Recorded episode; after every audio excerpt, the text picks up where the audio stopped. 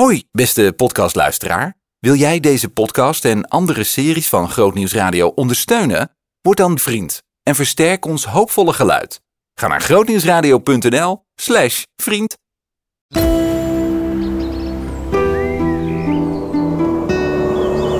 Groot nieuws uit de natuur. Het is wat schors van de bomen halen. Niet te veel, maar voorzichtig optillen. Dat wat al een beetje los zit. Op zoek naar dat ene spinnetje. Met altijd weer die vraag: gaan we hem vinden? Met spinnenkenner David Sies op zoek naar groot nieuws uit de natuur. De schorsrenspin. En die is zeldzaam, Ja. maar hier niet.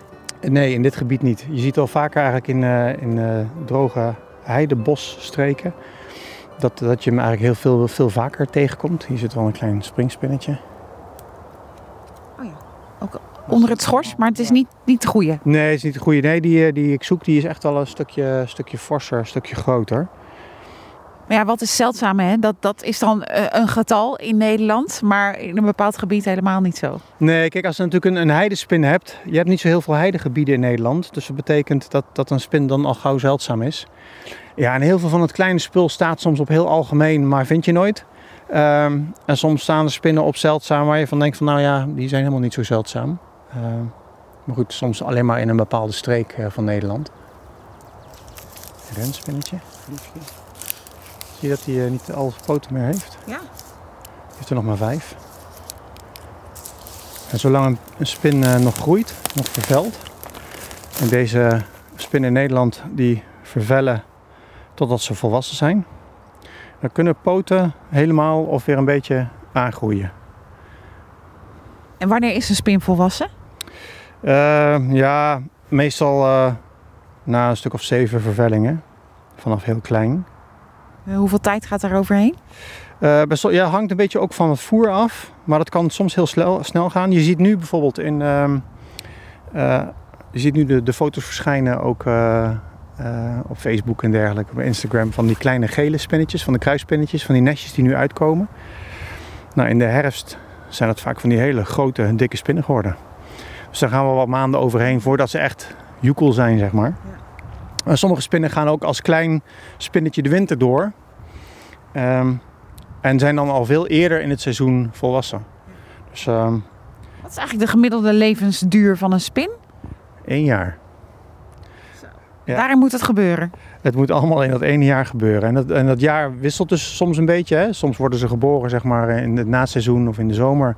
Gaan ze de, de winter door als, eh, als juveniel, als, eh, als jonkie. En dan worden ze volwassen in het voorjaar.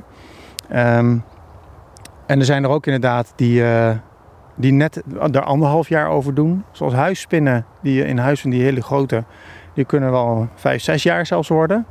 Ehm, maar dus dat mensen zeggen van hey, ik heb al tien jaar lang eh, dezelfde kruispin, zeg maar. eh, en de kruispin is gewoon één jaar. eh, hoogstens anderhalf jaar dat je hem nog een keertje ziet. Maar Dan heb je gewoon een nestje in huis. ja, daarna, daarna is het gewoon nieuwe, nieuwe verschijningen zie je dan gewoon.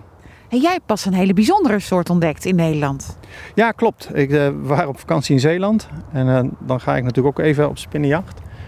En we waren vlak achter de Oosterscheldekering. En daar ving, eh, ving ik een, eh, een, een heel klein spinnetje, ook van 2 mm. En die was nog nooit in Nederland eh, gezien. En wat voor spin was het? Ja, een hangmatspin. Dus uit de, de- ja, Uit de Cariben. nou ja, het is de hangmatspinnen die het een van de grootste families in ieder geval in Nederland. Iets van 200 soorten. En het is een heel klein spinnetje dat waarschijnlijk of hierheen is gewaaid of zich al heeft gevestigd. Maar daar, ja, je kan eigenlijk, daar zou je meer onderzoek naar moeten doen om nu te kijken van... eh, ehm, Oké, maar het was dus een bepaalde soort hangmatspin die niet eerder eh, hier is geregistreerd in ieder geval. klopt. En die, die spin heeft dan ook nog geen Nederlandse naam. En, en mag je hem dan naar jezelf vernoemen?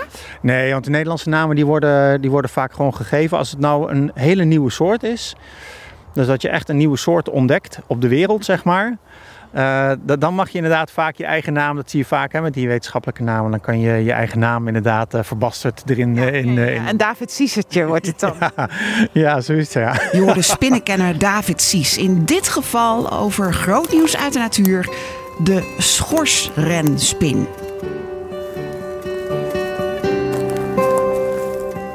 Zien in nog een podcast? Luister naar Zorgen voor je ziel. Via grootnieuwsradio.nl slash podcast.